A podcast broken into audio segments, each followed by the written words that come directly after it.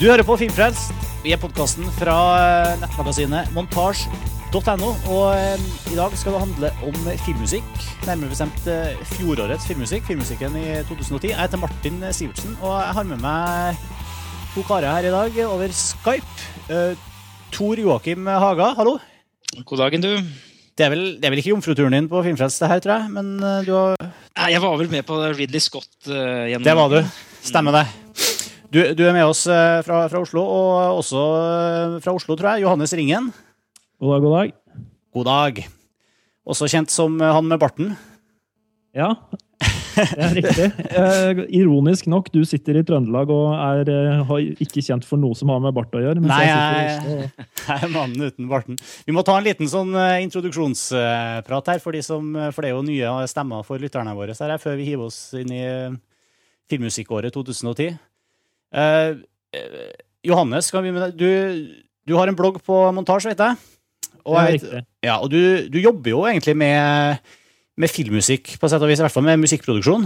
Ja, eh, ja, jeg jobber som komponist, og det har blitt mest eh, musikk til reklamefilmer, TV, radio, litt produksjon av band og sånne ting. Eh, så jeg hadde vel en liten start hvert fall, på filmmusikk, eh, hvor jeg gjorde eh, en del programmering og perkusjon og synting og sånn på Fritt vilt 3.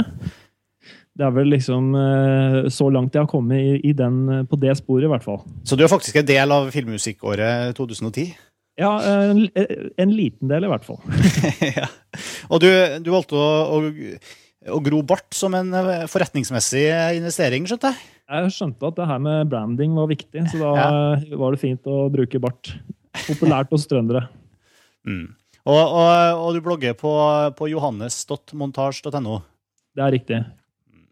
Har du, har du et, da et, eh, sånn, er det, Hvordan er verden for en sånn uh, komponist som jobber innenfor så mange forskjellige sjangere som du gjør? Er det frilans arbeid, liksom? Ja. Eller ligger, ligger, jobbene i kø, eller er det sånn at du må ut og selge hele tida? Nei, altså det siste året, egentlig, så har det ikke vært noe av Jeg behøver å ringe så mye, så da har jobbene stort sett kommet, og det er jo veldig ok å slippe å mase, rett og slett. Mm. Nettopp. Og Tor Joakim, mm. du du liker å skryte på deg at du er Norges største John Williams-fan. ja. ja. det er helt uoffisielt, da. Eh, ja. Men når du, har, når du, sitter liksom på 200 John Williams-CD-er, så, så regner jeg vel med at det er liksom, i hvert fall i, i tetsjikt, om ikke annet. Men, hvor, eh, hvor, mange CD-er har John Williams uh, gitt ut? skulle du si? Hvor mange fins? Er det han har, han har, jo holdt på i 60 år, så det, det finnes uendelig mye. Men jeg har nå i hvert fall det som kan krype og gå hans komposisjoner. da. Men det var vel ikke noe John Williams i fjor? Nei, altså ikke nye John Williams, men det var jo Nei. noen gamle da, som ble gitt ut på nytt. og sånne ting. Mm. Ja, nettopp. Men du, du, også, du er veldig, veldig interessert i, i, film og filmmusikk, og du er utdanna innen medievitenskap og delvis filmmusikk, så vidt jeg har skjønt. Og du har også undervist i, på Universitetet i Oslo. Ja, altså jeg, jeg, sitter på en måte litt på den andre siden fra Johannes og syns veldig mye. og Masse meninger om, eh, om, det, men jeg er altså ikke noe utøvende musiker. da. Så, så jeg eh, underviser og brenner opptatt av det, lytter på filmmusikk, skriver om filmmusikk osv. Kritikeren og komponisten. Ja. Sitt ung mann. Ok. Uh, vi skal liksom uh, se, se, litt tilbake på, på, året som gikk, da. Og i, uh, i mine skulle si, uskolerte betraktninger rundt, rundt det, så har jeg liksom plukka liksom et inntrykk av at det var et veldig sterkt år for filmmusikk, da. men det er i hvert fall uten å gå inn på detaljer, kanskje, overlatt, kanskje du Tor Joakim, kan si et eller annet om hva du syns er, om du er enig i den betraktninga, og, og eventuelt hva det er som gjør året spesielt? Ja, nei, altså Jeg er helt, helt, enig i det. Det har vært et usedvanlig sterkt år. Um, og det som gjør det, Hvis jeg liksom oppsummerer 2010 som et filmmusikkår, så er det det at, at uh, rockartistene, popartistene, har kommet inn og gjort uh, filmmusikk som etter min mening uh, ofte har vært bedre enn musikken som er skrevet av spesialistene. Og Det er jo litt spesielt. det er ikke mange år som kan skryte av det. Så det er flere av disse da, soundtrackene som er blitt eh, nominert til priser og eh, som selger bra i platebutikken eller på internett osv. Så, videre. så eh, nei, det har vært et veldig bra år, altså, syns jeg. Og Da mener du også at kanskje, at det er bedre fra sånt fra ditt også, stå, eh, fra fra også, i tillegg til at de selger bra, at det faktisk også er At eh, den type artister har tilført noe i år? Ja, jeg syns, jeg syns det er veldig altså jeg, jeg er en som er veldig glad i spesialisten også. altså Ønsker mer utdanning og mer filmmusikkspesialister. Men jeg syns det er veldig morsomt når det kommer inn importartister, som jeg kaller det for. Importert fra rock- og popverdenen Og, og skriver så bra filmmusikk, da, for det er liksom ikke, det er ikke gitt, altså. eh, Hvis man ikke har jobba så mye med filmmusikk før. Er du enig i det, Johannes? Ja, altså, Det er jo mange interessante diskusjoner eh, du tar opp der, eh, Tor Joakim. Det Blant annet det her med skolert, uskolert. altså Ulik bakgrunn, skolert bakgrunn, og folk som kommer fra ja, pop- og rock-verden, som du sier. Eh, filmåret. Jeg syns det har vært et, eh, et greit eh, filmår. Jeg, jeg er på et sånt filmkomponistforum, og der var det en tråd som hadde tittelen 'The Ten Least Bad Scores of 2000, ja, 2010'. da. Så, så, så man er nok litt delt i, i, i, om det har vært et bra filmår, men jeg, jeg syns absolutt at det har vært mye bra i år. Mm. Ja, for det er jo Bare sånn før, før vi setter i gang Det er jo noen Soundtrack har jo litt sånn eh, I USA så bruker man jo uttrykket score. Det bruker man ikke så mye i Norge, men man snakker om filmmusikk, og så har du soundtracks. Og ofte så Eller mange år så er det liksom enkelte eh, soundtracks som får veldig mye oppmerksomhet hos eh, skulle si, eh, hvermannsen, eh, som ikke nødvendigvis er så fryktelig interessert i film. Men da er det gjerne I hvert fall ofte så er det sånn type Pulp Fiction-soundtrack eller sånt, hvor det er masse musikk som ikke er skrevet spesifikt for den filmen. Mens eh, i år vet, er det jo liksom et par soundtracks som virkelig har, føler jeg har eh, folk snakker om, da. Selv om også folk som ikke er spesielt filminteressert, men som da er originalkomponert filmmusikk. Det er, noe som skjer med ujevne mellomrom. Det der eh, Titanic, for eksempel, som, som også var et sånn type soundtrack som, eh, som besto for det meste av instrumentalmusikk, men så var det da den ene sangen til Céline Dion kanskje som gjorde at det, det solgte så mye. Ehm, men eh, nei, altså i år så har det jo vært eh, som, som jeg nevnte i stad, disse rock- og popartistene som kommer, da, Da- Daft Punk osv., og, så videre, og lager filmmusikk som som de da reorganiserer litt grann, og presenterer på et album, et CD-album eller eh, iTunes eller et eller annet sånt. ting mm. Filmmusikk, er det det norske ordet for score? Ja, det der, det der er så vanskelig, altså. For vi, vi har liksom ikke noe godt norsk ord. altså Du har partitur, men det høres veldig klassisk og gammeldags. Og, Har du hørt det nye Så partituret til har du til Daft Punk, du? Det, det blir litt voldsomt, så, så vi må nesten bruke engelske uttrykk foreløpig, altså. Sånn som soundtrack. Mm. Eh, Men det er jo forskjell på altså Score betyr jo bare eh, originalskrevet eh, musikk for film. Mens soundtrack kan jo også være mye forskjellig. Det kan være lydspor, det kan være musikkspor, det kan være CD-album. Så det er veldig sånn terminologiforvirring der, altså. Det er det. Vi skal, vi skal spille litt musikk. Jeg tenkte vi skulle begynne med øh, faktisk det som var eh, forrige ukes Gjett filmen-klipp. Vi har en sånn konkurranse på, i Filmfrelst hvor vi spiller klipp for lytterne, og så er det opp til dem som hører på da, å gjette hvilken film det klippet er fra. og Ofte så spiller vi da rene filmmusikklipp. Eh, og eh, forrige uke så, så spilte vi det klippet her. Eh, det var feil. Sorry. Det var feil eh, film uh, som kom inn her. Det klippet her. Det var fra Super Mario. var det? Ja, ja an, veldig avslørende hva jeg hører på på Spotify. Men nå, her. Det som går i bakgrunnen her nå.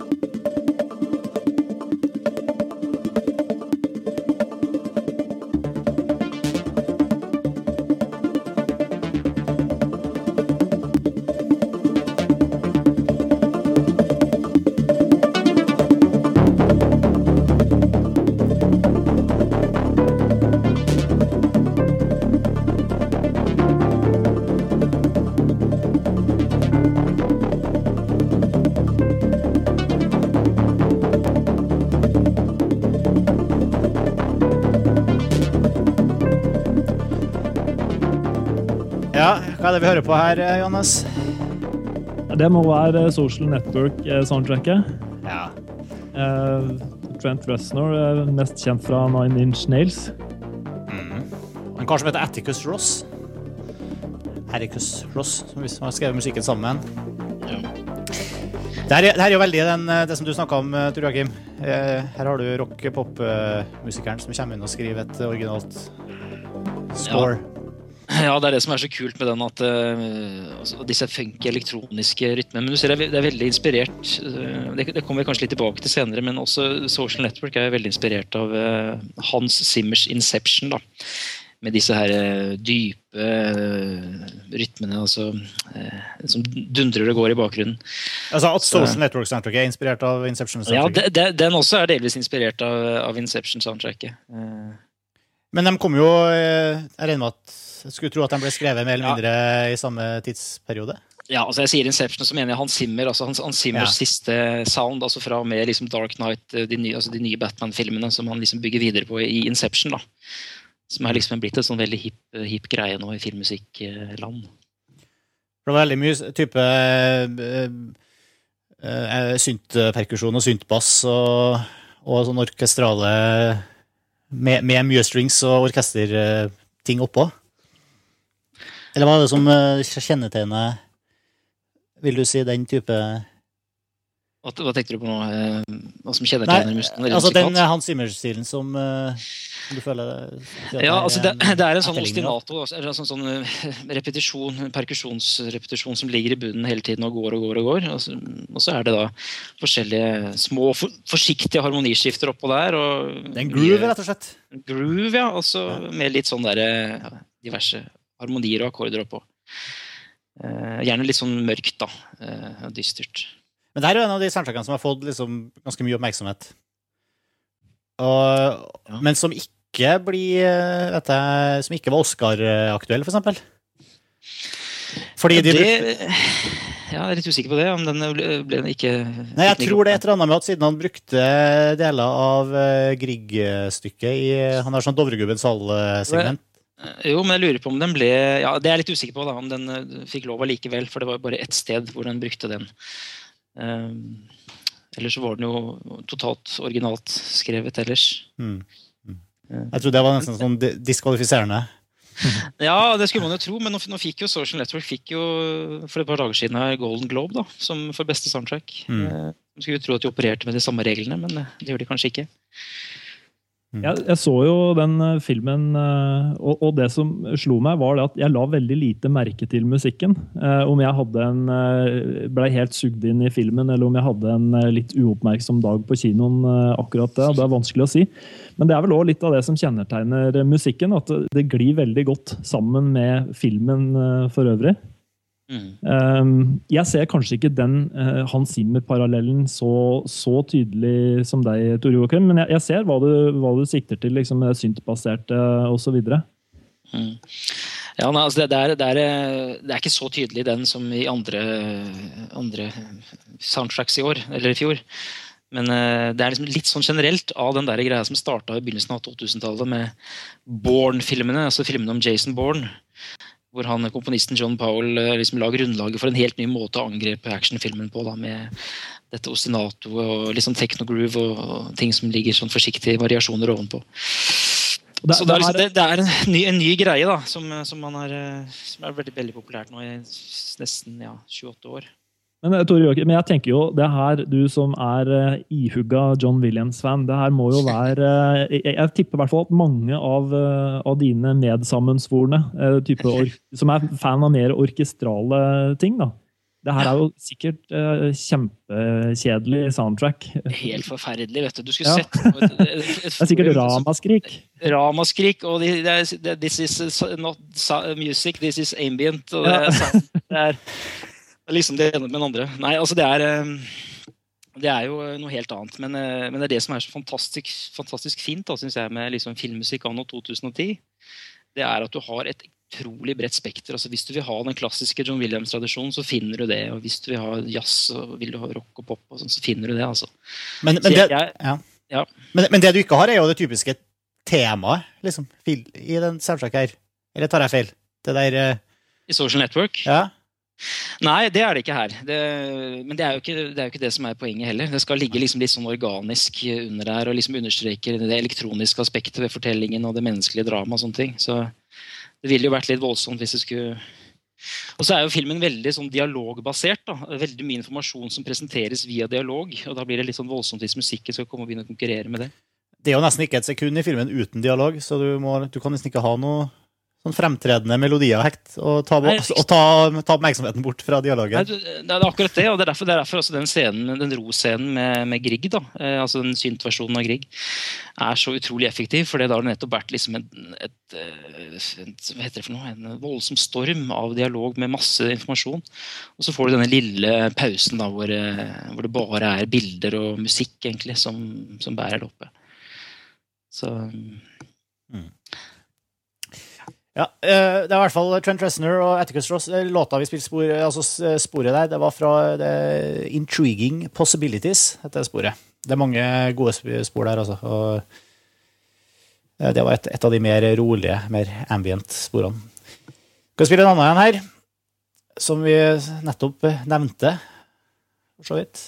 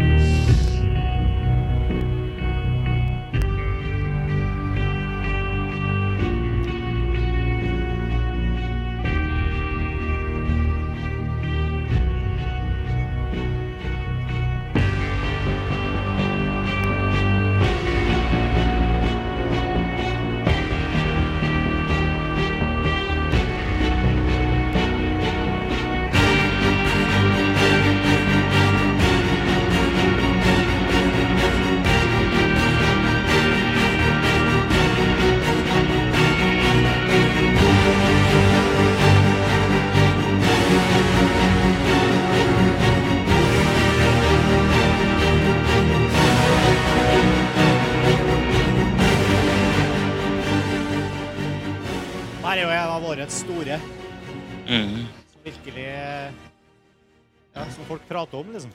Store på mange måter, egentlig. Ja, her gjør jo musikken veldig mye ut av seg i filmen òg. ja, ikke sant. Det var selvfølgelig fra Hans Zimmer sitt uh, soundtrack til, til Inception her, da. Um, her- her er det jo brukt mye, mye spennende teknikker, sånn, og, og her, her brukes jo musikken veldig Som jeg sa, veldig sånn som, som et eh, veldig element i filmen. Da. Mm. Det er i hvert fall sånn som jeg oppfatter. Eh, Johannes, hva syns du om Inception-soundtracket, og hvordan det funker? Nei, jeg synes det er eh, altså Inception var en av de Eller var kanskje den kuleste filmen jeg så i hele fjor. Uh, og, og da Det er et tegn på at da har musikken òg fungert. Uh, og jeg syns at uh, ja, det er jo det, det var jo en, en, Jeg ser jo greit den linken fra filmen vi snakka om i stad, til den her, i forhold til at det er jo et veldig sånn synt-basert univers. Eh, og det passer jo veldig godt til den her drømmeaktige eh, filmen, hvor man er liksom litt i tvil om hvilken realitet man befinner seg i. Uh, og det, altså det er veldig effektivt, og samme her som, som sist, at det er få temaer. Det er mer sånn atmosfærisk og soundbasert, hvis vi kan kalle det det. Og, og Simmer jeg, jeg, hørte, jeg hadde på på iPoden på vei til jobb soundtracket på Thin Red Line. Og da kjenner jeg igjen mange av de der lange strekkene som Simmer har, da, med, hvor hele orkesteret sammen med synter spiller liksom veldig dype, lange akkorder. Mm. Som jo er perfekt til å få plass til dialog, lydeffekter, og, og gi liksom en sånn uh, spenning i filmen som, som jeg syns kler, kler uh, Inception veldig godt. da. Men her er det også, husker jeg, fra, liksom fra de, særlig det klippet vi spilte nå, og en del andre ting i filmen, hvor, hvor liksom de her musikken er sånn veldig sånn tett koreografert med handlinga i, i filmen. Da, hvor det er liksom musikken spiller på en måte en slags, uh, slags uh, veldig, en slags hovedrolle i, uh, i progresjonen i, i handlinga. På en sånn veldig unik, unik måte. Samtidig som det, her er det jo også tema og og på en måte gjenkjennelige akkorder og melodier gjennom nesten alle låtene på, på, på, altså, Gjennom alle sporene på, på soundtracka.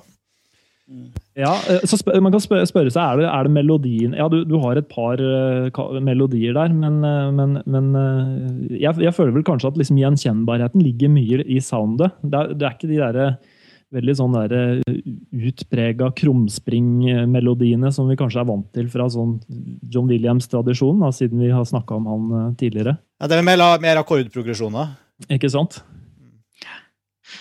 Jeg pleier å si det at han, eh, altså Simmers musikk til Inception liksom tilfører filmen en sånn tredimensjonal dybde da, på musikk, musikksiden. Eh, hvis man kan bruke det ordet om musikk. Altså, fordi Du har liksom disse dype ostinatoene som går hele tiden, og så har du disse høye, som vi hørte på klippet sa, disse liksom, strykerne i det øvre registeret. Det blir sånn kjempespenn mellom de, og det passer egentlig veldig bra til en fortelling hvor du går dypere og dypere ned i drømmene på disse menneskene. Eh, så, men det, det, er litt morsomt det Johannes sa i stad med, med, Thin Red Line. For det er så tydelig å se, se utviklingen hos Simmer fra 90-tallet, hvor han var liksom mest kjent for denne, det, det jeg kaller for krafthymne. Altså litt sånn prog-basert uh, uh, musikk sånn fra The Rock og The Pirates of the Caribbean og, og disse filmene her. Og så da med, Fra og med The Thin Red Line kanskje, så begynte han å bevege seg litt mer mot teksturbaserte ting. og Eh, sånne ting som man da utviklet videre til gjennom de nye Batman-filmene og da altså til eh, Inception. Da. Så det er morsomt å se den utviklingen også i, Simmer. Ja, det, er, det, er, veldig interessant det du sier der med også teksturbasert. Eh, eh, igjen, da, hvis vi tar den eh, tradisjonelle orkestermåten å gjøre ting på, at man skriver musikken, og så spiller man inn med orkester, og så er det er det. Eh, mens i Simmer så, med Simmer så har man liksom gjerne en fase til hvor det er en sånn veldig sånn postproduksjonsorientert Mm. Uh, musikkstil, da, hvor på en måte det der, den siste fasen det, det, skjer utrolig mye mer i musikken enn det man hører. Det ligger liksom lag på lag med synter og sånne ting som kanskje ikke er, er så hørbart, men man, det gir liksom et litt stilisert lydbilde i forhold til den der veldig organiske orkester-type uh, musikken. da. Og, det, og, i hvert fall i, i Inception, som er en sånn type film, så er jo det veldig bra. Det er på en måte både synt, eh, akustiske instrumenter og ganske sofistikerte samplere da, som er liksom satt sammen i en sånn helhet. Ikke sant? Og, så, og Som gjør det litt spennende. Og så spiller han jo musikken også. Det, det ville aldri vært naturlig for et symfoniorkester å spille musikken på den måten som man gjør hos Simmers. Han bruker jo et tonespråk som kanskje henta fra mer rockebaserte ting, men så setter han liksom sin egen vri på det. Eh. Og, veldig, og, som du sier der òg, må bare sifra, eller må bare nevne det eh, hvis ikke folk har fått det med seg, men det er jo Johnny Marr, gitaristen fra The Smiths. Han mm. spiller jo eh, og bidrar med en del sånne små eh, repetitive gitarfigurer, sånn typisk egentlig god poptradisjon. Eh, om det er et eh, type markedsføringstiltak, eller eh, om det gir noe ekstra til musikken. Jeg syns at det er ganske kult. og Hvis dere har sett dere klippet på YouTube fra premieren, hvor de da spiller live med Hans Zimmer og Johnny Marr Mm. Eh, veldig kult, syns jeg i hvert fall. Det var jo også et litt sånn uventa, eller sånn uvant instrument å høre i den type setting. da. Eh, så prominent i et sånt or orkesterskål som, som, gir det litt identitet. da. Um, det, jeg har jo også uh, angivelig er at, uh, fått med meg at Hans Zimmer skal ha brukt en slags sånn generativ Han har liksom det, I filmen så er det jo, brukes jo det her Edith Piaf-låta, 'Je ne eller hva den heter. La vie en rose, kanskje låta heter. Jeg husker. I hvert fall Det er en sånn Edith Piaf-låt som, som han visstnok har sakta ned veldig, ja. altså redusert eh, veldig pitch og tempo på, for å, å, å bruke det altså til det ekstreme, type eh, en tiendedel eller noe sånt av sin opprinnelige pitch og tempo, og bruke det som en slags sånn utgangspunkt for eh, denne grunnleggende eh, akkordprogresjonen og, og, tempoet i et par av hovedsporene her. Mm. Mm. Det er jo ganske sånn artig greie som taier veldig inn i, i temaet tema i filmen, som handler om tid og, og ja. ja. Jeg, jeg tenker eh, altså sånn, Gir det noe effekt? Eh, jeg veit ikke, men jeg syns i hvert fall at det er en veldig kul fun fact. men, men, men, artig, artig, trivia. Mm. Ja, artig trivia, men, men, om på en måte at det påvirker oss underbevisst på et eller annet vis. Jeg vet ikke om jeg kjøper den helt, men det er en sykt kul fun fact. Ja, men det er veldig kult når noen drar fram det her og skal vise fram stereoanlegget sitt på nachspiel, og så kan du sitte og si ja, men du, du, vet at han har Ikke sant? Ja. Mm. Remix av Edith Piaf. Ja. eh, men det, det, er en kredibel eh, fun fact, det her, ikke Johannes? Det, er... ja, altså det sammen med Johnny Marr på gitar, det er jo ja. det, det, er plusspoeng, det, altså. Mm. Ja. for, for, det her har jo vært en av de, de soundtrackene som på en måte Jeg har inntrykk av at folk bruker eh, veldig sånn uavhengig av hva slags opplevelser man hadde av filmen. Da. Men liksom har, at, det, at det her er på en måte et slags sånn film, soundtrack som har gått utover rammene for uh, Og liksom inntatt uh, folk som er interessert i hi-fi eller bare musikkglade mennesker.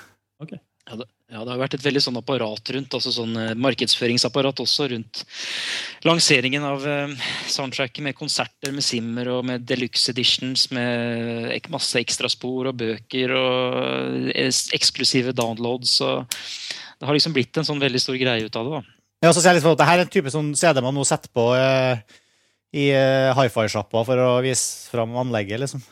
Ikke sant. Det er også sikkert. så er det sånn, Jeg trodde den eh, tida var forbi. Jeg trodde det var 80-tallet. Ja, da, På 80-tallet var, var, det yellow. Ja, da gikk man til naboen for å høre på stereoanlegget når naboen i gata hadde fått nytt stereoanlegg. Ja. Så, så, det er blitt nye referanseserien, altså. Ja, for dem som ikke syns MP3 er bra nok. Ikke sant. Og vi streamer selvfølgelig all musikken fra Spotify i dag. Så. Ok, Skal vi spille noe helt annet? Ja. Her Skal vi se. Nå går jeg på nettsida til komponisten her. Så vi får det til å funke.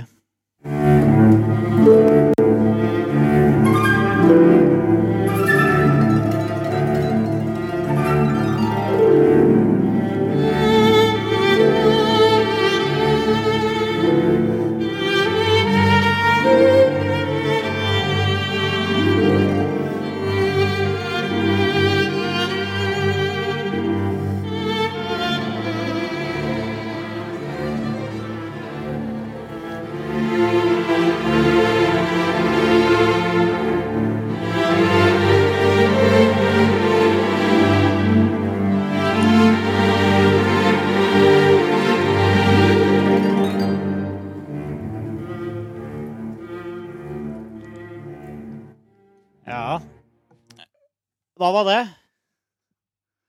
Johannes, du, har, du var begeistra for dette? Ja, jeg er jo veldig begeistra. Det er eh, polakken Abel Korsniowski eh, til soundtracket til eh, A Single Man. Mm. 'Stillness of the Mind' heter sporet her. Ja, eh, Som jeg syns er et utrolig kult eh, soundtrack. Eh, og det har en stemning i seg som, som gjør at du, du, kan bare sette på det albumet og det, det, det, står godt uten, uten filmen, syns jeg i hvert fall. Uh, jeg, jeg satte jo veldig pris på den filmen. Det var en av mine favorittfilmer i fjor. Men soundtracket brente seg ikke så veldig. Det er jo ikke noe som jeg umiddelbart ville ha kjent igjen uten, uten å ha sett filmen flere ganger. i hvert fall. Det er kanskje ikke sånn som automatisk hører på soundtracket hvis det ikke gjør veldig mye ut av seg. Men, uh, det, det, her er jo veldig flott, da pent og flott. Altså, denne filmen er jo i likhet med Inception altså, noe som baserer seg veldig mye på um, litt sånn minimalistiske strukturer. Da. Nå hørte jo nettopp et veldig melodi et veldig, veldig temabasert parti her i stad, men uh, den, den, har mye sånne um, minimalistiske trekk i forhold til sånne forskjellige figurer som repeteres og repeteres. Um, men det var litt morsomt, for jeg var, i, jeg var, jo i Gent litt tidligere i fjor. Uh, på filmmusikk-prisutdeling der. Og der ble jo da, altså Korsinjovskij ble jo den store, en av de to store vinnerne den kvelden da, med for musikk, eh, musikken til The Single Man. Og Det var så tydelig når han kom opp og, og skulle takke at han, han var liksom så ekstremt rørt. da, liksom eh, Gråt og takket sine ja, alle, alle mulige mennesker. Så eh, det er tydelig at han liksom har kanalisert all sin kreative energi inn i, inn i soundtracket her, altså. Jeg må, jeg må, bare legge på en, en litt trivia òg på den. Eh, jeg så òg et sånt innlegg på et nettforum, eh, type komponistforum, hvor da eh, mannen bak navnet Abel i 2004 eller 2005 han har laga en tråd da som heter sånn The Best Film Music School in LA. Og så skriver han da at han lurer på hvor han kan på en måte utdanne seg til filmmusikk i den Hollywood-tradisjonen. da. Eh, hvor han da eh, får liksom svar, og så eh, syns han det er litt dyrt, og ender vel ikke opp der. Det er sikkert ikke Svaret er Google. Ja, ja, ikke sant? Jeg vet ikke hvordan det er, er, med, er med, Polen, men, men, i hvert fall fem-seks år seinere så har han jo skrevet Single Man-soundtracket, og det er jo ganske god utdeling, vil jeg si. Hva med, Har han gjort andre ting som vi bør kjenne til? Ja, jeg, jeg, jeg syns han har gjort en veldig bra ting. og Det var faktisk på den tida han lagde den tråden som, eh, som Johannes snakker om. Eh, han skrev altså ny musikk til den klassiske stumfilmen 'Metropolis'. Uh, fremført av et eller annet polsk orkester, jeg husker ikke helt hvilket. Men det, etter min mening så er det og nå overdriver jeg ikke, jeg synes det er det beste partituret som er skrevet for Metropolis, som ikke er originalmusikken selv. Helt fantastisk eh, storslått og i hvert fall mye bedre enn det der 80-talls synt-greiene som Georgie Moroder lagde for noen år siden. så, um, mm. så, det er tydelig at han har hatt talent da, helt fra eh, starten av. men Hvordan er det med deg, Johannes? Skriver du for orkesteret eller skriver du for Pro Tools? Du, jeg er på full fart vei inn i orkestertradisjonen. Men det er klart, det er mye, å, mye å sette seg inn i. Hva, hva, slags type eh, verk er det som egner seg til det? Er, det, er vi på spillefilmmusikk, da? Ja, altså, det er jo eh, Jeg tenker du på hvilke verk som har vært ja. å studere? Nei, jeg tenker når du sier at du er på vei mot uh, inn i orkester Ja, ja nei, nei, altså absolutt. Ja, det er jo filmmusikk da, som jeg er opptatt av. Mm. Så da er det jo uh, veldig mye og mange gode eksempler på, på, god filmmusikk. Jeg bare tenkte litt Nei, men, men, men, men altså, Komponerer du nå for, for orkester i noe? Ja, jeg har jo ikke gjort mye av det, men uh, jeg gjør det jo eh, jeg har, Ikke noe som jeg har fått spilt inn, for å si det sånn. Men uh, jeg jobber jo med det, og ut, det er noe jeg prøver å utvikle. da. Ja, for, for, det slår meg litt sånn at mye av de Sånn som, Det her var litt spesielt, da, med, med Single Man Soundtrack. Her er det jo veldig Men jeg, det skal jo ikke veldig mye fantasi for, til for å for, for, meg så høres det ut som noe sånt som for eksempel Inception-soundtracket Mm. Eh, nesten kunne ha blitt sannsynligvis produsert uten eh, orkester. Jeg vet ikke om det, i hvilken grad det blir brukt uh, lavorkester her, men altså det, det, er jo, det er jo en, en artig, artig, diskusjon. mange som, som, holder på sånn som meg, som lager da på en måte alt i boksen og bruker da sample-baserte ting og mm. prøver å få ting til å høres ut som et symfoniorkester. Eh, mens eh, Simmer går litt andre veien. Han spiller inn med symfoniorkester og gjør nesten alt han kan for å på en måte få det til å høres ut som noe som er samplebasert. ja, det er ikke sant. Så, så, det er, eh, så, sånn som, så, selv om det høres ut som alt fra Simmer er i boksen, så kan du nesten banne på at det ville vært litt for billig å gjort det bare i boksen, for å si det sånn. Men, men, men, tilbake til, til Korsnjovskij. Og jeg syns jo den derre eh, Til filmen 'A Single Man' det er jo utrolig mange sånne lange, drømmeaktige sekvenser der. Hvor han på en måte ser tilbake, og, og det gir jo veldig god plass til musikken. Eh, og også den der, eh, Han bruker jo solofiolin, eh, som er jo veldig uttrykksfullt. Eh, har masse, masse filmeksempler på det. 'Schindlers liste', kanskje nærliggende å trekke inn sånn sett. Ehm, jeg vet ikke, Tore Joakim, jeg får òg veldig sånn Philip Glass-følelse av det soundtracket. Det er veldig de, ja. The Hours, for eksempel. The Hours, ja. Det er jo flere, det er flere der å trekke fra. Altså, Philip Glass har jo også laget mye filmmusikk, men, men det er veldig tydelig å se på 2000-tallet eh, veldig mye innflytelse av Philip Glass. Altså. Både på de som opererer litt sånn på siden av Hollywood, og de som Sånn som Simmer og Danny Elfman og sånn, som opererer midt i.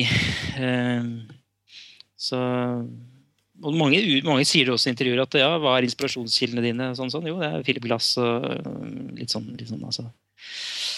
Så det, han er veldig utbredt på alle mulige uttrykksformer. Både symfoni og sitt synt og alt. Mm. Jeg er klar for neste klipp. Da skal vi dra en uh, nok en uh, mer rutinert kar her.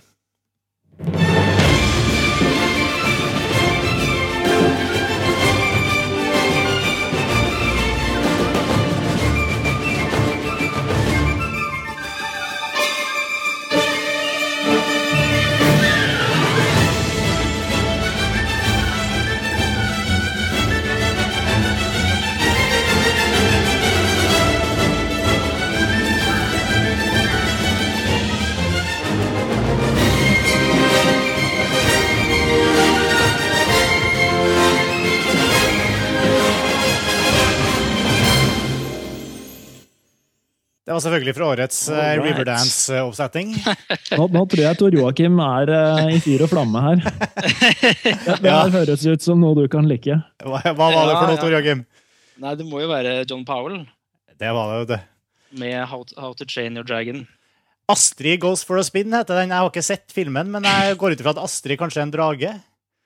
Hva kalte du den for nå? Astrid Goes for a Spin heter sporet her. Ja, Sporet, ja. ja, ja. Ja, jeg har ikke sett filmen, eh, men jeg, så jeg, jeg, jeg tippa at Astrid er en drage. I... Nei, jeg tror ikke det er en drage. Nei, ja, er det... tror Det er en av disse er en av de- viking... Jeg har så filmen faktisk ganske nylig. Eh, det er En av disse her eh, Hollywood-vikingungene som driver og leker på en drage, tror jeg, eller noe sånt. Hvis jeg Ah. husker riktig. Okay. Så, det var et godt eh, forsøk. Men det var jo veldig, veldig lystig og veldig eh, ulikt mye av det andre vi har hørt her, syns jeg. I tillegg. Veldig Ja. Veldig Dette her er jo, lekent. dette her er jo veldig lekent og veldig, veldig typisk, da. Litt sånn for Altså John Powell er jo eh, en av de som da var i Hans Simmers stall en gang i tiden. Eh, Hans Simmer hadde jo en stall med masse komponister som han på en måte fostret eh, frem og var mentor for. Men så brøt jo da John Powell ut av denne her stallen og ble hatt på å si, komponist på egne bein. Eh, Så hans lydbilde er jo preget veldig mye av Han har litt sånn simmer i seg, det hørte vi her også i dette klippet, men samtidig så er han nok litt mer, kanskje, tradisjon, mer tradisjonell orkesterbasert enn det simmer er i dag, i hvert fall. Eh, og John Powell er også som sagt en av de mest banebrytende komponistene de siste årene med Jason Bourne Jason Bourne-soundtrackene. Så eh, Men, Så men det her er jo, her er jo skrevet for en eh, 3D-animert uh, tegnefilm. Altså er det, og det, er det ligner jo ikke mye på Jason Bourne-soundtracket, eller gjør det? Det er bare jeg, jeg som ikke hører det. Nei, nei det, altså, det er noe med disse her samtidige akkordskiftene og sånne ting da, som, eh, som kanskje ikke er så mye Jason Bourne, men det er litt, da, litt Simmer i det. Han Simmer. Mm. Um, men det som er litt fint, for så vidt, eller litt spesielt kanskje med den filmen her, er at, eh, eller musikken, er jo at det ikke er så mye sånn tradisjonell eh, tegnefilmmusikk. altså Det man kaller for Mickey Mousing, hvor handlingen til enhver tid følger helt nøyaktig det som skjer i, i skjermen. Her eh, får man liksom lov til å boltre seg litt og lage mer eh, utviklede temaer og sånne ting. da. Så, så Det syns jeg er litt morsomt og litt forfriskende, kanskje, hvis jeg kan bruke det adjektivet om eh, akkurat den filmen der. Mm. Jeg, tenker jo litt, Det her er, er Hollywood-musikken på sitt aller beste eller aller verste etter øret som hører. Ja. Eh, og, og det er jo eh, et utrolig rått score. Eh, det er liksom klampen i bånn hele tida, og jeg er sikker på de blåserne som har vært med her, har eh, hatt vondt i både fingrer og lunger. Det går, eh, og, og det er, jeg tenker litt at eh, sånn som eh, Nå har vi jo sett, eh, eller vi har hørt eh, Inception og Social Network, mer syntbaserte scores. så det virker som den, den type musikken her, som er, er veldig rotfesta i orkestertradisjonen, det, det gjør seg veldig godt til animasjon. Eh, og hvor man på en måte har en litt raskere klipperytme, og ting skjer litt raskt. Her, det er jo et veldig tradisjonelt score på mange måter, tenker jeg. Ja, altså jeg er ikke helt, eh, helt enig. Jeg synes det det er tradisjonelt eh, sammenlignet med kanskje Hans Zimmer og sånne ting, men det, har, det er en sånn hybridsak, da, syns jeg. Altså det er, det er ikke, altså John Williams ville ikke komponert uh, nødvendigvis på denne måten. Da ville det vært litt mer komplekse ting i forhold til eh, orkester, måten man bruker orkester på. og sånn. Så Det er liksom blanding av klassisk tradisjon, symfonisk stil, og så er det litt, litt sånn Hans Zimmer med samtidige akkordskifter og perkusjon og sånne ting. Mm. Jeg synes, jeg, jeg, det er kanskje et bra tidspunkt å, å spørre seg. Jeg har, jeg har litt sånn ambivalent forhold til det å høre på filmmusikk, jeg, i forhold til hvordan man skal vurdere det. og sånn. Dette er et godt eksempel på sånn musikk som jeg syns er litt vanskelig å høre på, få nytelse av sånn, på sånn frittstående basis. For det er ofte musikk som er skrevet for å gå sammen med, med bilder og lydeffekter. Kanskje ikke så ekstremt som du sier med Mickey Mousing, at liksom hver eneste bevegelse på skjermen skal svare til en uh, lyd i, i soundtracket. men men likevel så er det liksom veldig mange soundtrack som er skrevet mens komponistene sitter og egentlig har scenene foran seg og vet hva de skal matche. Og, men, men samtidig så skal på en måte soundtracks på en eller annen måte fungere som, som frittstående verk. da, Som skal kunne høres uavhengig av eh, filmen de er komponert for. Og da lurer jeg litt sånn på egentlig til begge to, både som komponist, Johannes, og også til deg, Tor Joakim, mer sånn eh, fra den akademiske, mer filmkritiske tilnærminga. Altså hvordan eh, vurderer man et, eh, et hva, hva er kriteriene for et godt soundtrack, liksom? Jeg, jeg synes jo der at det, Der ligger jo mye av eh, på en måte Rammen ligger jo i filmens dramatiske behov, hvis vi kan si det. Eh, så Sånn som jeg tenker, så er det det som er viktig, på en måte hvordan man bruker den fortellerstemmen som, som musikken har. Og så får det i ettertid bare heller være en bonus hvis dette her eh, er noe som noen liker å høre på. Ja Vel, Tor Joakim, du må nesten trekke ut det her. Vel, Tor Joakim, du har litt ulyd der. Kan du trekke ut eh, headsetet ditt Ja, ja, og sette det inn igjen? det kan jeg gjøre. Det er vår eh, klassiske robotlyd som kommer i hver eneste episode. Åssen er det nå? Nei, du må trak, Trakk du ut USB-headsetet nå? Eh, nei? Nei, gjør det. Trekk det ut og sett det inn igjen. Ja, skal vi se.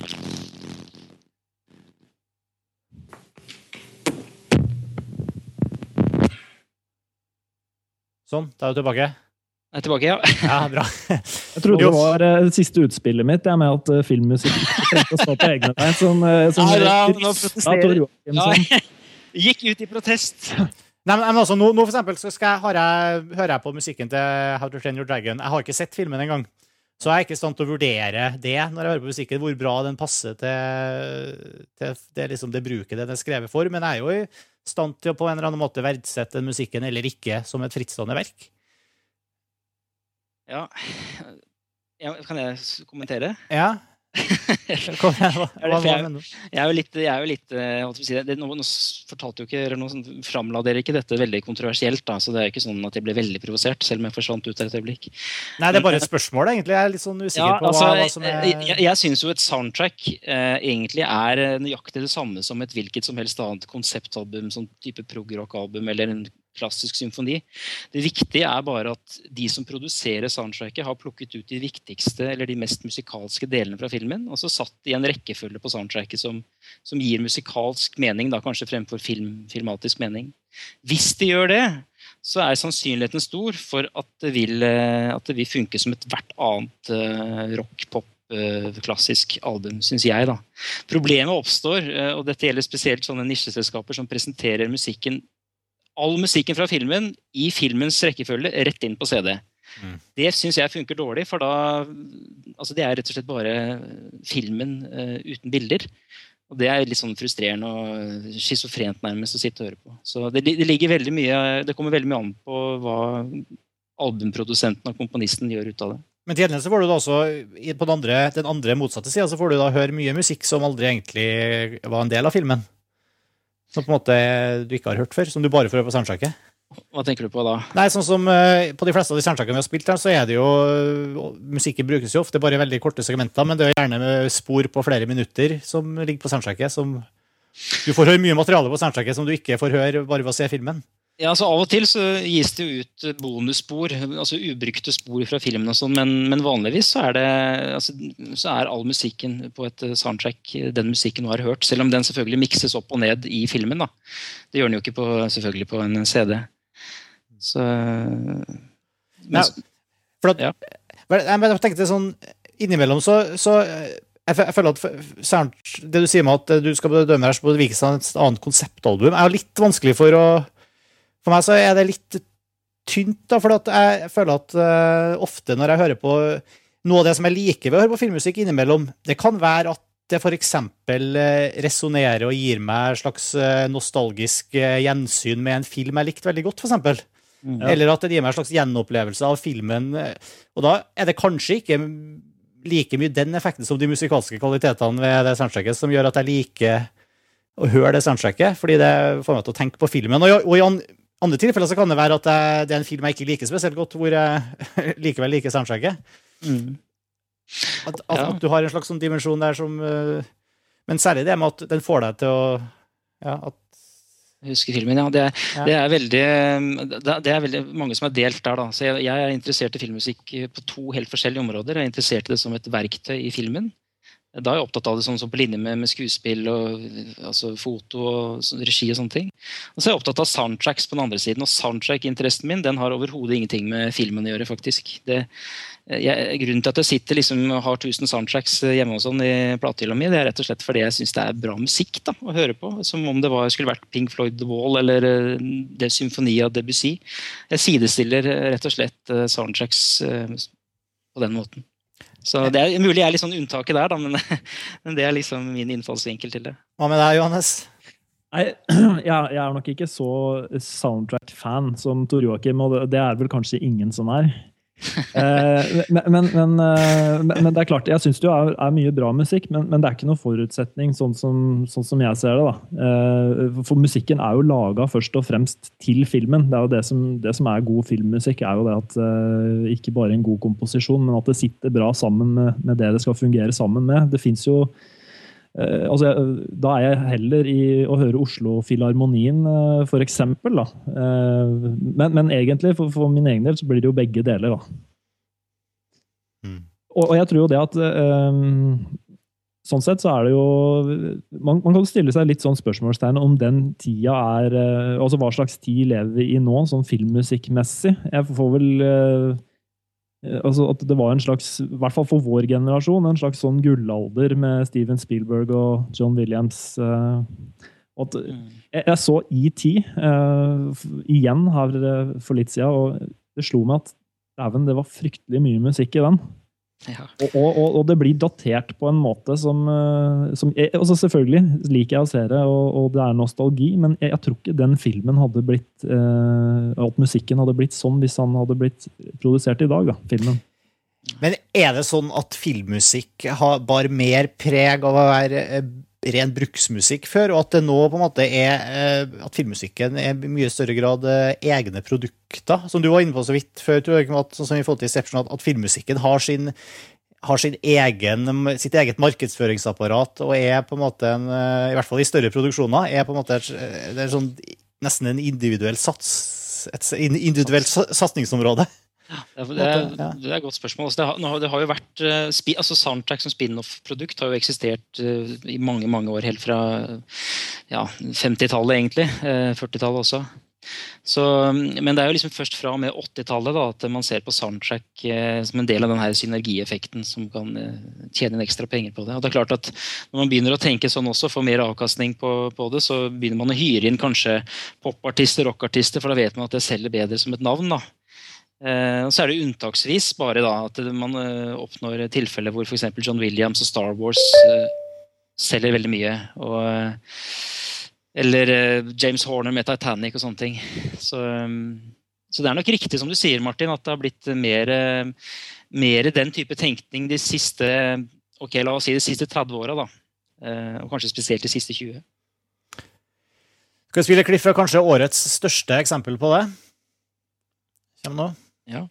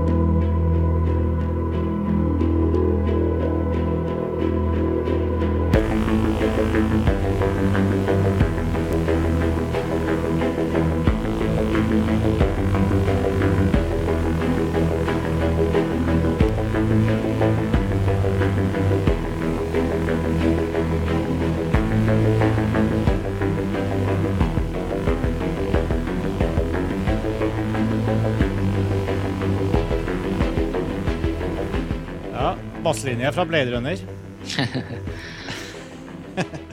ja, det, det, er jo som altså, Her har de gjort nettopp det. Ta et av de største elektronikabandene i de siste, siste 15 årene. Og brukte det veldig aktivt i å bygge opp rundt, rundt filmen i forkant. Eh, og det er fra, her er selvfølgelig spor fra Daft Punks i soundtrack til Tron Legacy. Også et eksempel på hvor, eh, hvor mange som jeg har snakka med, inkludert meg, og også jeg er helt enig i det, eh, på en måte setter mer pris på, på soundtracken enn vi gjorde på filmen. Og i den grad vi, vi satte pris på filmen, så var det mest som en stor musikkvideo.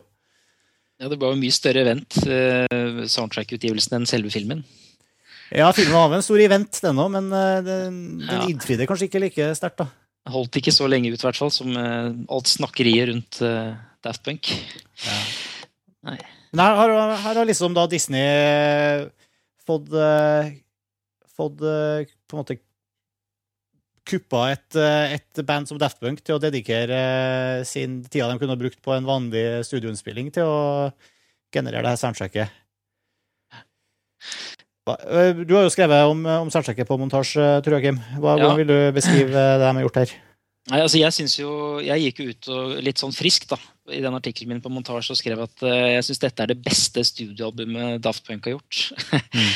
uh, nå har de ikke gjort så mange før, da. de har vel gjort tre studioalbum eller noe sånt før. Uh, så, men jeg syns dette her er litt sånn tilbake til det vi snakket om tidligere også, med konseptalbum og sånne ting. at Jeg syns Tron Legacy som konseptalbum funker bedre enn både Homecoming og Nå husker jeg ikke alle disse, disse tidligere albumene. Homework heter den. Ikke Homework, unnskyld. Homework, uh, disse to andre uh, Discovery og uh, Hva heter den siste, da? Rob, human Robot? Nei. ja. ja men de, de, i hvert fall disse som har de forskjellige hitene med da Funk og dette her. ikke sant? Mm. Så nei, Jeg, jeg syns rett og slett dette er det beste konseptalbumet. For det har en dramaturgi, det har noen sånne enkeltspor som på en måte er sånne centerpieces. Jeg vet ikke hva det heter på norsk. Sånne sentrale momenter. Så nei, jeg syns det funka jævlig bra. Altså, både som soundtrack eh, og i filmen, hvor det var miksa utrolig høyt hele veien. Det er også utrolig, utrolig forfriskende å høre. Jeg, jeg, jeg, jeg synes de har vært veldig Jeg har hørt mye på det soundtracket her òg, og jeg har hørt veldig mye på Daft Punk også, og kjenner jo det stort sett inn ut, selv om jeg ikke klarte å huske tittelen på det nyeste studioalbumet. Men de har også De har jo lyktes veldig godt, syns jeg, å kombinere sin egen stil med på en måte mer cinematiske sånn uh, orkesterelementer. Litt sånn à la, som du sier, litt sånn uh, Ja, Simmer-aktige type orkesterelementer. Men de har liksom Alt er på en måte med den der lille digitale bit-crushing-edgen, ja. og det er, det er, liksom umiskjennelig Daft Punk, da. Men, mm. uh, men liksom det at du kaller det beste studioalbumet deres, sånn sett, det reagerte jeg litt på. For jeg, det som slo meg når jeg hører på det, at jeg syns det mangler litt den derre eh, melodiske gnisten, som ofte så Daft Punk har jo alltid vært veldig cheesy uh, in, in, a good way, og veldig uh, enkel. Men, men, de har alltid gjort det med en liten sånn snert som gjør at selv de enkleste melodiene blir uh, oppfattes som veldig som genial. Jeg føler litt at de mangler litt den, de, de, store hooksen her, da. Selv om lydbildet de skaper, er veldig godt, syns jeg, og, og virkningsfullt. Ja, Det er ikke noen hits her, altså. Det er ikke noen sånne hits som de, som de har hatt eh, tidligere på Homework og Discovery og Human After All. Ja, Human After All heter det. Human After All heter den. Uh, der er det jo sånn, men altså, det, det, det er egentlig litt irrelevant, syns jeg. da. Så det er ikke irrelevant når jeg hører på det. nei, altså, nei, nei. Jeg, jeg, sitter litt og irriterer meg over hvor for eksempel, selv det hovedtemaet da, som er, Nå er det mulig at jeg dummer meg ut, for det er mulig at det hovedtemaet er en hovedtema i første filmen nå, som de bare har tatt videre. Det vet jeg ikke. Ja, nei, uh, for det, det, er jo en sånn melodilinje som er på en måte som går igjen i flere låter. Og, og selv det er på en måte, syns jeg, litt sånn uh, uinspirert, da. Okay. ja, altså det er jo lov å synes det. Altså, jeg, synes jo det er bredden her i både ork de orkestrale delene, uh, som riktignok fikk litt hjelp uh, til, og de rene synt-delene, og den her 80-talls nostalgi, 8-bits arkadelyden altså blandingen der, så er liksom satt sammen på en sånn utrolig morsom måte da, som gjør det så bra. Men eh, at det er like sånn eh, Hva heter det noe minneverdig som eh, Hva heter det for noe Technologic og disse andre Jo, men, ja.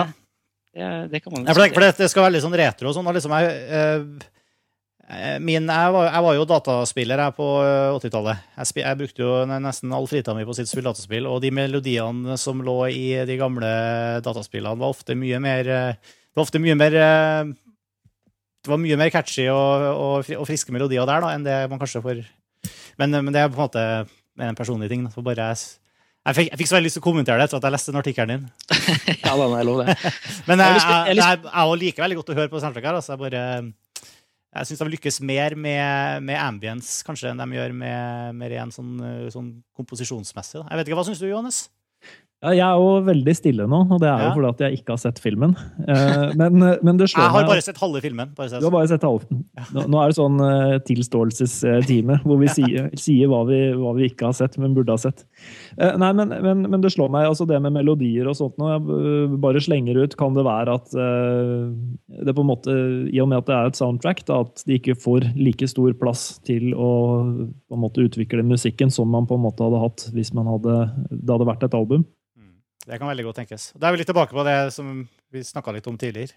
Hvor, I hvilken grad det er bruksmusikk som skal settes til bilder og oppleves som en større helhet, eller om det er noe som man skal liksom være et dance floor-hit i seg sjøl. Og det, det er jo spor her også som allerede er hits, ut, på en måte, men eh, Og så er, det jo, så er det jo hele den greia nå med at det skal ikke være så mye sånne melodier. Altså det skal være, altså hvert fall på en sånn type liksom science fiction-stilisert 3D-datagrafikkfilm, så skal det være eh, sier John Williams-karen. Jo, jo, men altså vi store være- tema, fanfare, Vi må jo være pragmatiske her. altså Vi må, må jo se hvordan det er. Så, um, så Den er jo inspirert av Inception, den her også. ikke sant? Og det er heller ikke en film som, hvor temaene på en måte slår deg i trynet. altså. Så, så selv jeg som John Williams-fan kan liksom stikke fingeren i jorda og se at ok, greit, det, sånn er, det, dette er innom dagen, og da får man bare ta det. Nei, altså, altså, Temaet er jo veldig klart til stede her. Jeg bare syns kanskje ikke det er så et veldig godt tema. da. Det er vel kanskje største innvendinga mi mot det. Det er ikke, det er ikke John Williams-svung over uh, Det er det ikke. ho ho hovedtemaet i, eh, i Trond Legacy, liksom. Nei, det tror jeg ikke. Ja, ja. Eh, men i hvert fall uansett, et av de virkelig Altså det og Inception, eh, Daft Punk sitt uh, Tron Legacy-score og Inception, det var de to jeg tenkte på i når vi snakka innledningsvis om de soundtrackene som liksom hadde gått litt utover filmens eh, rammer og liksom nådd, nådd de store massene. Men, men, Hans Zimmer òg, han, eh, han er jo på mange måter Hvis du spør en eh, vanlig person, eller vanlig person, den vanlige kinogjengeren, om man kan nevne en filmkomponist, så er jo sjansen stor for at det er Hans Zimmer som blir nevnt. Eh, Så sånn sett så kan man kanskje ja, eh, ja, kanskje etter John Williams, da. Men jeg tror kanskje i hvert fall Det er kanskje en generasjonsgreie også. At litt yngre vil kanskje nevne Zimmer. Jeg veit ikke. Men, men, men at man kan argumentere for at uh, Hans Zimmer har blitt en artist i, sitt, ja, i seg sjøl, da. Mm. Og som klarer å fornye seg. Syns jeg, da. Absolutt. Mm. Neste artisten har på lista her, og bare for å si det, de låtene som vi spiller her nå, er ikke tilfeldig valgt. Da. De er selvfølgelig valgt på uttrykk av eh, liksom, eh, mailer vi har hatt veksla med, med Tor Joakim og Johannes her i forkant. og Det er liksom de låtene som Det er i hvert fall noen av de låtene som vi og i fellesskapet har kommet fram til er noen av de beste og, og viktigste soundtrackene i år. Da. Så det går selvfølgelig ikke an å nevne alle og komme innom alle. Men ett soundtrack her som, eh, som er eh, komponert av en fyr som har vært utrolig eh, produktiv i siste. Dette er fra filmen The Ghostwriter, og artisten er, eller komponisten er Alexander Desplat. Låta heter Suspicion. Her er et lite utdrag fra den.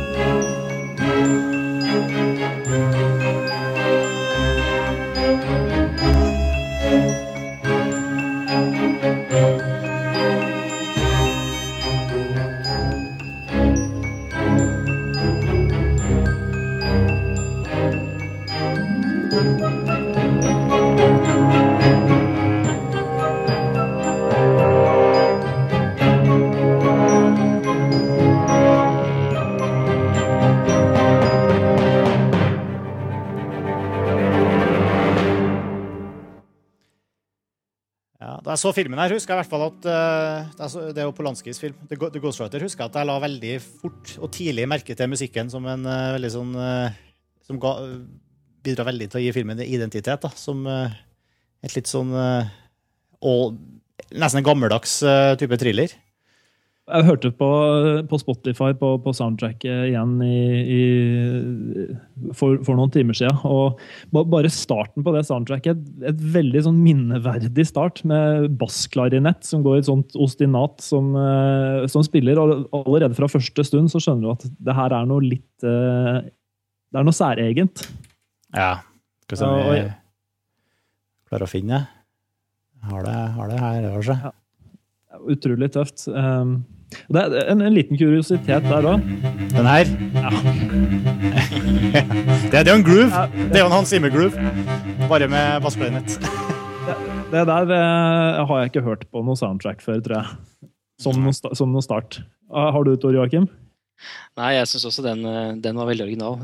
Jeg syns det som er så fint med Ghostwriter-filmen, for, for, å si det, det er jo at at det er liksom Roman Polanski på sitt beste, hvor han da kan liksom dvele ved forskjellige stemninger. da, Utendørs og innendørs. holdt jeg på å si. Altså, det er like mye stemning synes jeg, i eh, hans filmer som det er fortelling.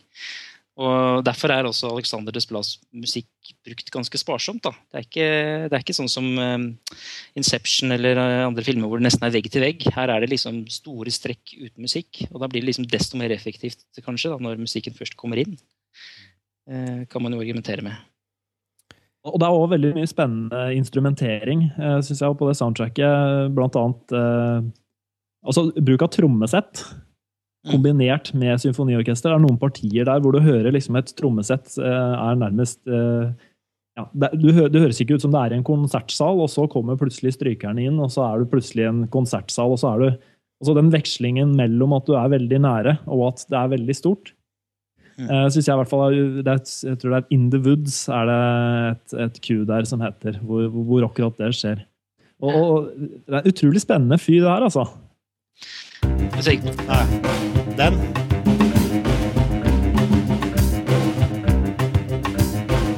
Samme, samme basslinja. ja. Og så, så går det over i ordentlig ja. Ja, det er liksom Desplas greie. da, det er de her, eh, Nok en gang så ser vi liksom Philip Glass oppi det hele her. Sånne de her ostinatene som går og går og går. Eh, jeg syns av og til i forhold til Desplat det kan bli litt kjedelig, kanskje. Spesielt syns jeg det i en annen film fra i fjor, nemlig Harry Potter, den siste Harry Potter-filmen, som han også skrev musikken til. Eh, men det er jo fordi jeg har den bakgrunnen jeg har, og jeg liker de store temaene. og sånne ting. Så. Du er en veldig produktiv type. Han har, Ekstremt eh, Ja, han er helt vill. Altså. Han, jeg tror, tror han har tolv filmer de siste to åra. ja, det er jo helt sykt. Også, det, er veldig, det er jo ikke noe småtterimusikk.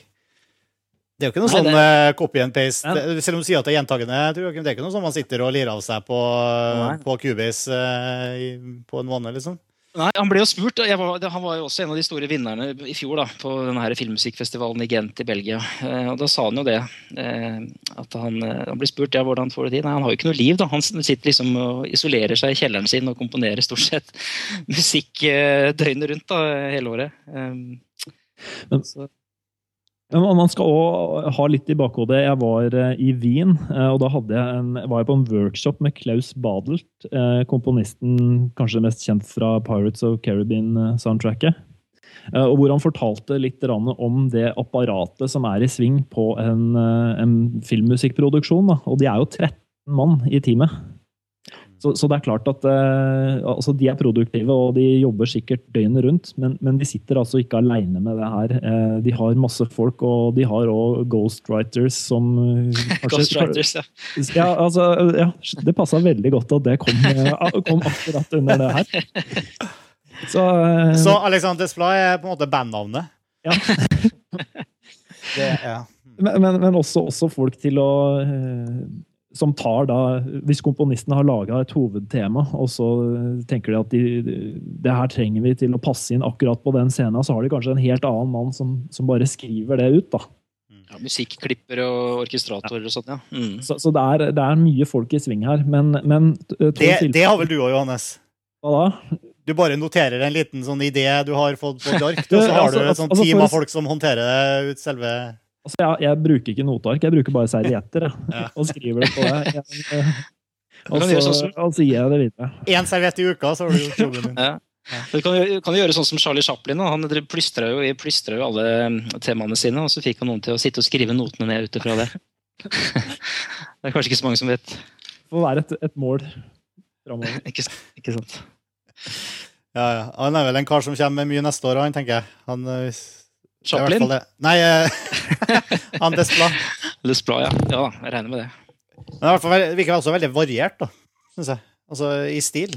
Det er mulig at det bare var variert i instrumentering, men, eh, men eh, det virker som det er liksom et vitt, ganske bredt spenn da, i det, det soundtrackene. Ja, bredt spenn mellom Harry Potter 7, eh, Ghostwriter og The Fantastic Mr. Fox, for, liksom, for å ta tre, tre, de tre siste filmene. Mm. Nettopp det. Det er en annen eh, kuriositet òg. Jeg leste uh, Desplat er en av, eller om ikke, favorittkomponisten til Abel Korsnjovskij. Som vi har snakka om, og, da den linken til Philip Glass. Og den blir jo enda mer åpenbar da.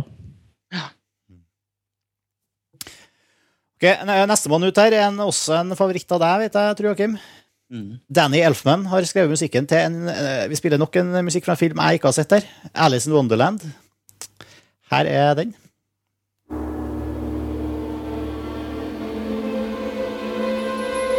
Ja.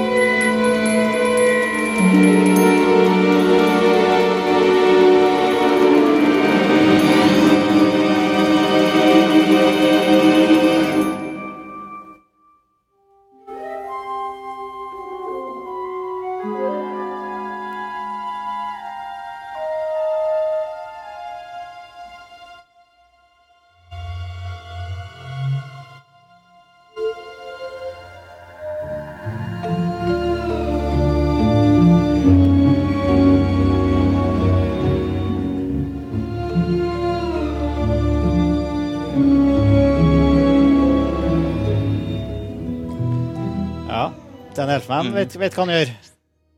Jeg skulle, eh, jeg skulle ønske at du kunne spille et klipp fra eh, End Titles der, som er, for det er liksom så oppsummerende for hele det soundtracket. Ja, det kan vi Um, kanskje få til. Eller, eller en av de der Alice, det er masse spor som heter Alice nedover. Um, Ja, skal du ha Alice's Theme, for eksempel? ja. Du vil ha det ompa ompa, den eh? ja, det er ikke ompa ompa, det det er, det er, det er, litt, det er litt spesielt. Her er Alice Theme.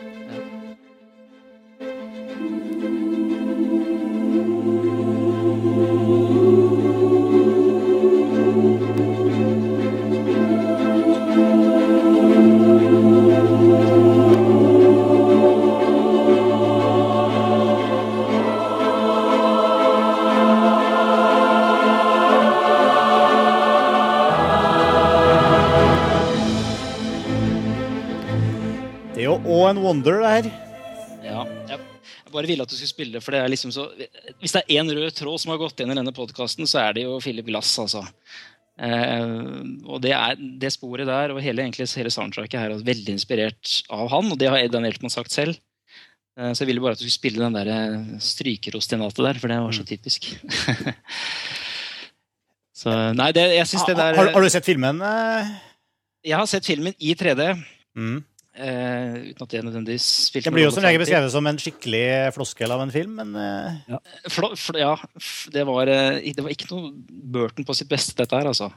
nei. Men uh, jeg syns nok den er litt Den har fått litt for mye stygge, stygge ord. Altså, det er jo Jeg i hvert fall kan gå inn og se en Tim Burton-film og få glede av bare produksjonsdesign og sånne ting. Scenografi og sånt. Så jeg, helt Ja, for, unnskyld. ja, jeg, jeg falt av før halvveis i den filmen. Ja. Ja. Det skjønner jeg, for jeg syns også historien og alt annet og karakteren og alt var utrolig flate. Det er veldig ironisk at de var så flate når filmen var tredimensjonal, men, eh, men det, det syns jeg var tilfellet. Så jeg, jeg syns det eneste som funka i den filmen der, det var um, Dan Elfmans musikk, som jeg syns er en av hans beste de siste ti åra, da, hvis skal si det sånn. Såpass. Hvordan, hvordan funker det samarbeidet mellom Elfman og Burton? De har jo lagd masse, masse, masse film sammen.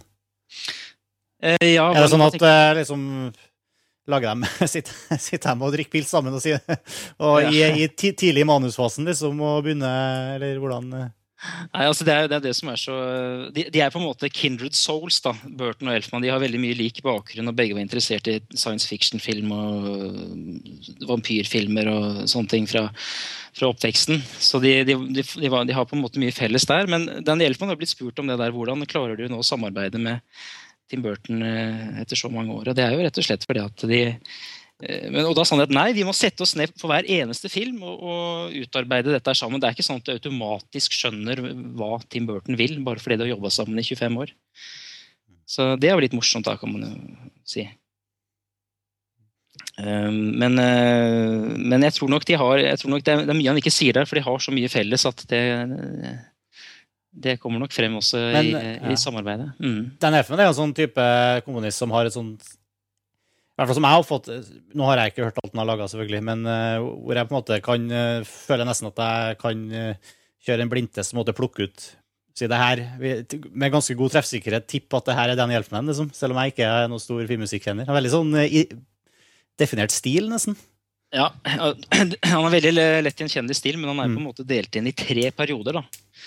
80-tallet og 90-tallet, og fra 2005 kanskje og fremover. Så så man kan dele den hjelpen inn i tre, men så er han gjennom alle disse tre så syns jeg man kan kjenne han rett igjen på forskjellige teknikker. Det skal være litt mørkt, men det skal være mørkt med et glimt i øyet og sånne ting. ikke sant? Du, du, nevnte i stad, Martin, at det skulle være litt sånn ompa-ompa og ja.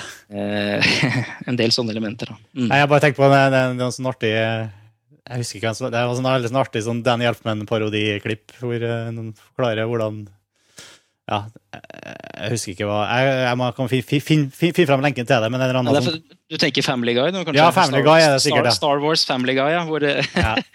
ja mm. Men det, det, at han har et, et, eget sound, det er nok og noe han er veldig bevisst på sjøl. Eh, det er en sånn historie hvor han sa til en orkestrator eller noe sånt, at han skulle bare just add that Elfman sound. He needs more cowbell. Ja, ja ikke sant? Eh, så, så, det er klart at uh, han er nok bevisst på den signaturen mm. som han har. Og, ja. Yes. Vi har vært innom, Han er jo absolutt en av de som ikke hører til den sjangeren du nevnte innledningsvis, som kjennetegner året her, da, med, med nye pop og rock eh, og ut, altså, uskolerte u nei, Jo, altså han er jo også hvis vi går, han er også kommet fra rock og pop, pop rock og pop, faktisk. Rock og pop eh, rock og pop-bakgrunn, da. Han var ja. jo mm, Han er ikke noe ferskt utsprung? I, fersk er han ikke. Nei, nei det er han ikke. Nei. Yes. Um, vi har et klipp til her. Siste klippet, faktisk. Det her er også fra en av de relativt nyere veldig mangefasetterte produktive karene som vi har hørt mye av de siste årene. Det er Clint Mansell. Og det her er fra en film som faktisk eh, ikke har premiere i Norge før om et par uker. Fra Black Swan. 'Stumble Beginnings' heter låta her.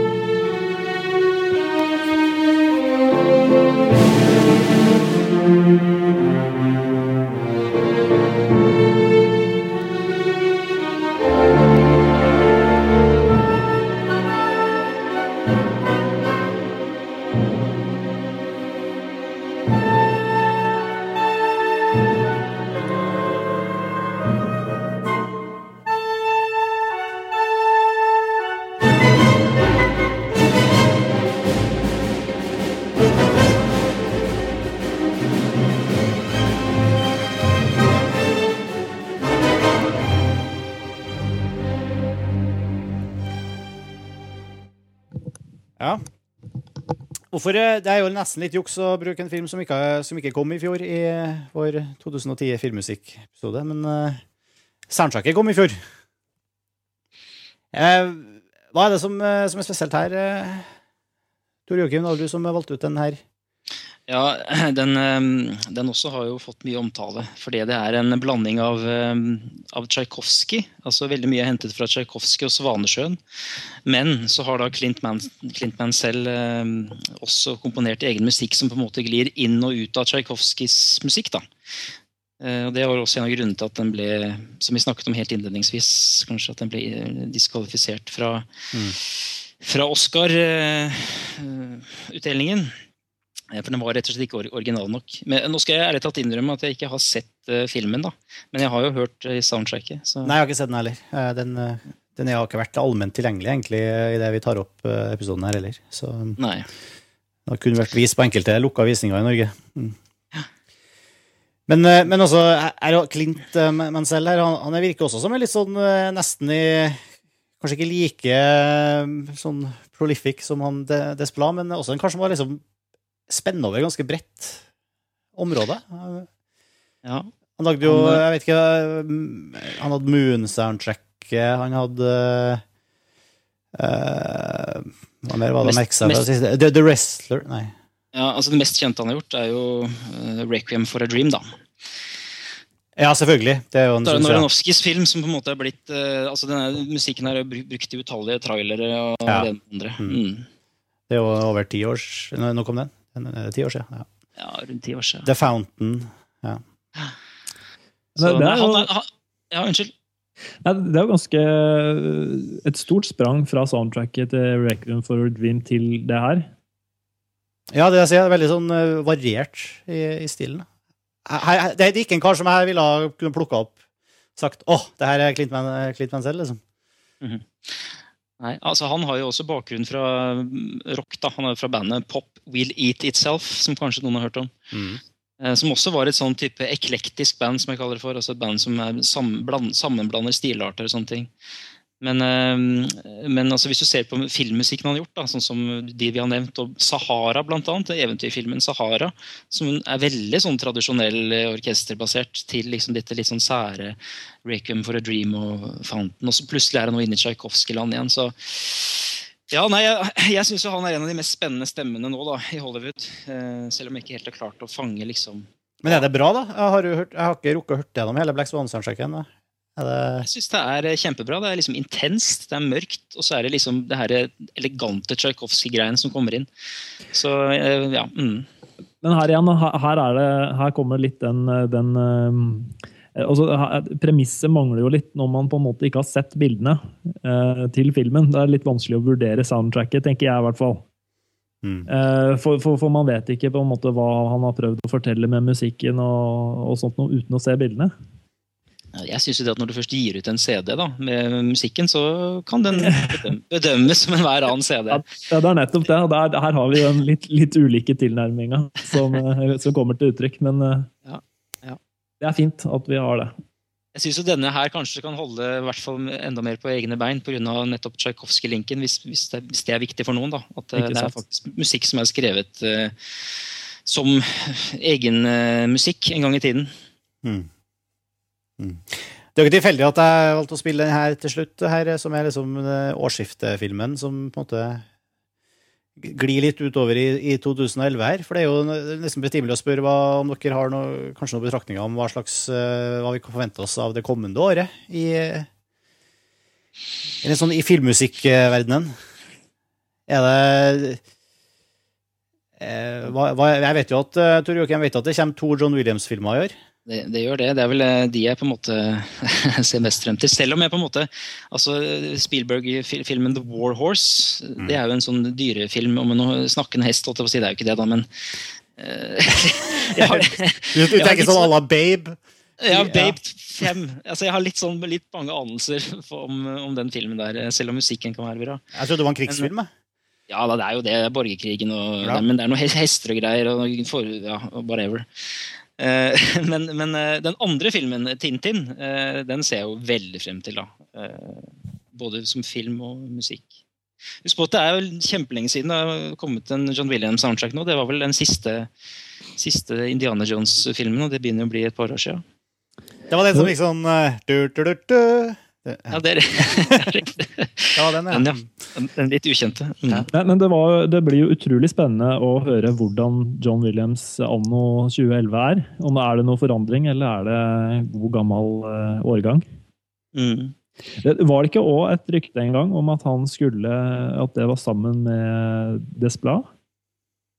Jo, det var et rykte om at de skulle avslutte Harry Potter-filmene sammen. Men det, det var Altså, det, faktisk var det ikke et rykte heller. De gjorde et forsøk på, på å få det til. Men ja. uh, John Williams han farter så mye rundt i, i USA og holder konserter og sånt, så, så han fikk ikke det til. Han er jo snart 80 år gammel. Du, de der 200 CD-ene dine Tor Joakim, kan ikke tenkes at det er noen av dem hvor du har kjøpt feil, og så kjøpt han derre gitaristen John Williams isteden? Eller han fotografen som er litt ukjent. Ja. ja. Nei, det er, eh, det, men det er mye rart der, altså. Det, mm. Vi får gjøre en egen, egen podkast på John Williams-samlinga. Mm. Men det, det er det du gleder deg på en måte mest til, en sånn filmmusikkmessig neste år, da? Enn du, en du Johannes? Jeg har uh, ingen sånne spesielle ting altså, som jeg gleder meg til. Jeg tror vi, vi, får heller ta en ny oppsummering når 2011 er over. Så får vi krysse fingra for at det har uh, kommet inn noen spennende soundtracks. Ja, det har vært veldig gøy. Jeg, jeg vet, jeg vet Joachim, du, du, var ganske Du hadde en et sånn innspill her om at det kunne være interessant å nevne litt av eldre soundtracks i, bare sånn før vi runder av her. Altså, det kom en del i nye digitally remastered uh, oppfriskinger av, uh, av gamle 80-talls-soundtracks uh, som kan være verdt å få med seg. Ja, ikke sånn, bare det, men ja. Men også nye, nye, soundtracks altså, av ting som ikke har vært gitt ut før i det hele tatt. Ja, ja. Det, det, er liksom også en del av filmmusikkåret 2010, så jeg kan jo liksom bare sånn i full fart nevne et par viktige der. Mm. Um, blant annet så har du jo Bill Contis musikk til den første Karate Kid-filmen kom ut i fjor. Ja, Torjaken, eh, da, ja. nå må jeg bare skyte inn, uh, siden jeg har deg. Uh, nye Karate Kid, uh, hva syns du om soundtracket? Jeg syns det var ganske bra, jeg faktisk. Jeg var overrasket over James Horners musikk. Ja. Spesielt et par scener som var veldig bra. Men det, det, har jo ikke den nostalgiverdien da, som, som originalen. Jeg mener at Det eneste låta jeg husker fra første Karate Kid, er den derre You're the best around. Nothing's gonna ja, men, ever keep you down. Du tenker på Glory of Love, du, egentlig? Er det ja, det heter ja. Glory of Love. Nei, nei men det Det setter i det, så, det er en sånn poplåt som, som, kjører inn akkurat når han tar det svanesparket helt på slutten, så er det liksom, og noen vinner den siste kampen, så kommer den I don't wanna do, do, do. Ikke sant? Er ikke den, da? Husk, husker jeg feil? Uh... Ja. ja. før, før, jeg, før, jeg, slenger meg med å begynne å synge, jeg òg, har du noen sånn autotune eh, som du kan legge på i post her? Eh, mener å si at jeg trengte? Ja. Nei, jeg tenkte på meg sjøl før jeg begynte å oh, ja, ja, ja, ja, nei. nei. jeg skal ikke begynne å synge Peter Cetera her. altså det er litt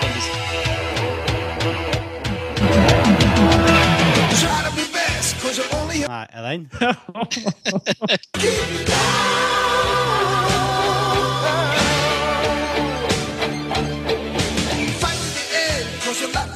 Det er den, tror jeg. Er det den, ja? Du har vært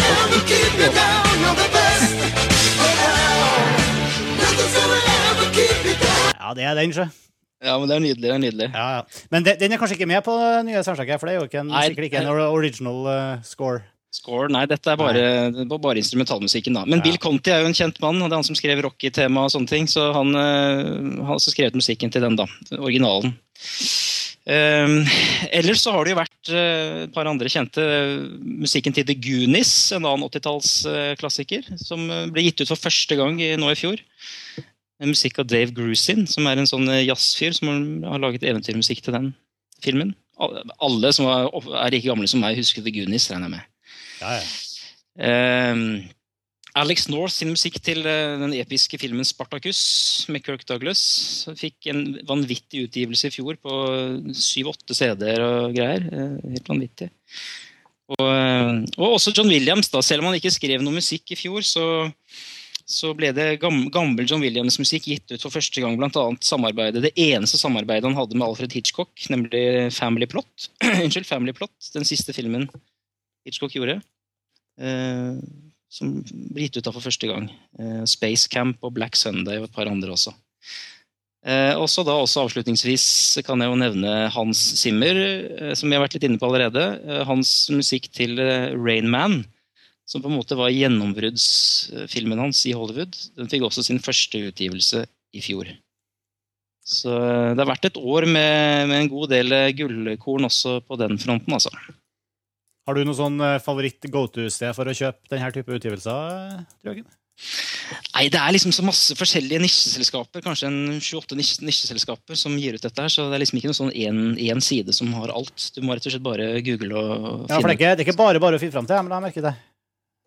Nei, det er jo forskjellige selskaper som sagt som Mm. har gitt ut. Så jeg kan eventuelt uh, gi noen link eh, hvis det er Ja, kanskje vi kan slenge på noen. I Det fall veldig fint å ha med seg noen sånne gode, gode tips til oldies, Uh, remastered, å få med seg på Ja, Men, det er det, altså.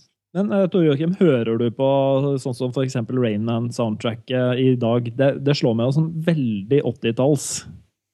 Ja, det er Eh, jo dritkult. Kjempebra. Ja. Jo mer 80-talls, jo bedre. ja, ok. ja, men det er greit. Og det er ikke for å få nostalgisk gjenopplevelse av film. Nei. Ja, ja, det er litt, men eh, jeg, syns, jeg, jeg syns jo 80-tallet hadde mye kule syntesampler og midi-teknologi og sånne ting som Det gjelder jo på elektronika, musikken og elektropop og alt annet og det. Michael Jackson, og whatever. Så det samme gjelder jo også i eh, den elektroniske baserte filmmusikken. Som Lars-Olesen Ole sa her forleden, synt, synt er tilbake i år. Synt er tilbake, og det håper jeg det fortsetter. Ja, Før vi runder må vi en liten tur innom Gjett uh, filmen-konkurransen vår. eh, og Vi spilte allerede klipp i begynnelsen av sendinga, og det var altså et musikkutdrag fra eh, The Social Network-soundtracket.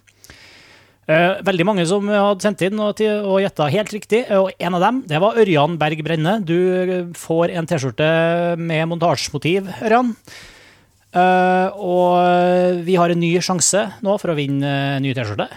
Så da er det bare å spisse ørene og høre om dere drar kjensel på hvilken film det klippet her er henta fra. Enter the year 2009, where immortality is only a heartbeat away, where money can buy anything, Shouldn't you consider an alternative body?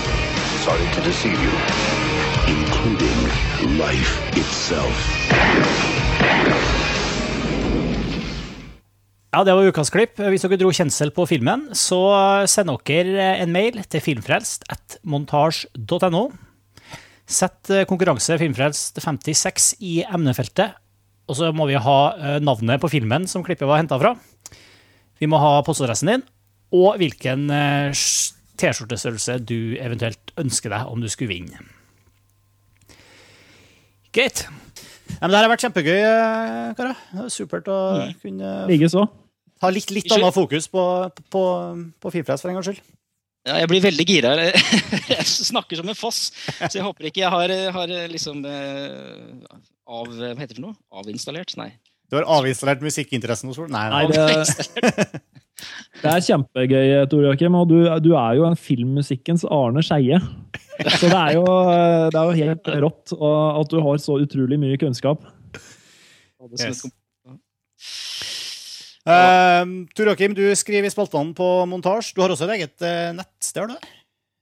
Ja, men det, det er så dårlig design på det at jeg vet ikke om jeg gidder å Du, du vil ikke plugge det? Nei, jeg, jeg, jeg venter med det.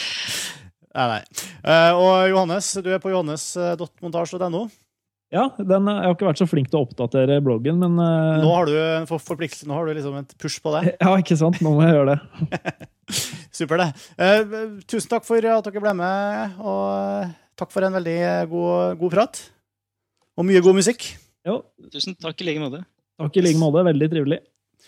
Vi eh, Fi- er tilbake om eh, et par uker. eh, Og musikken til kjenningsmelodien vår er skrevet av og fremført av norske bandet Ping, som du finner på thepingpage.com. Vi snakkes.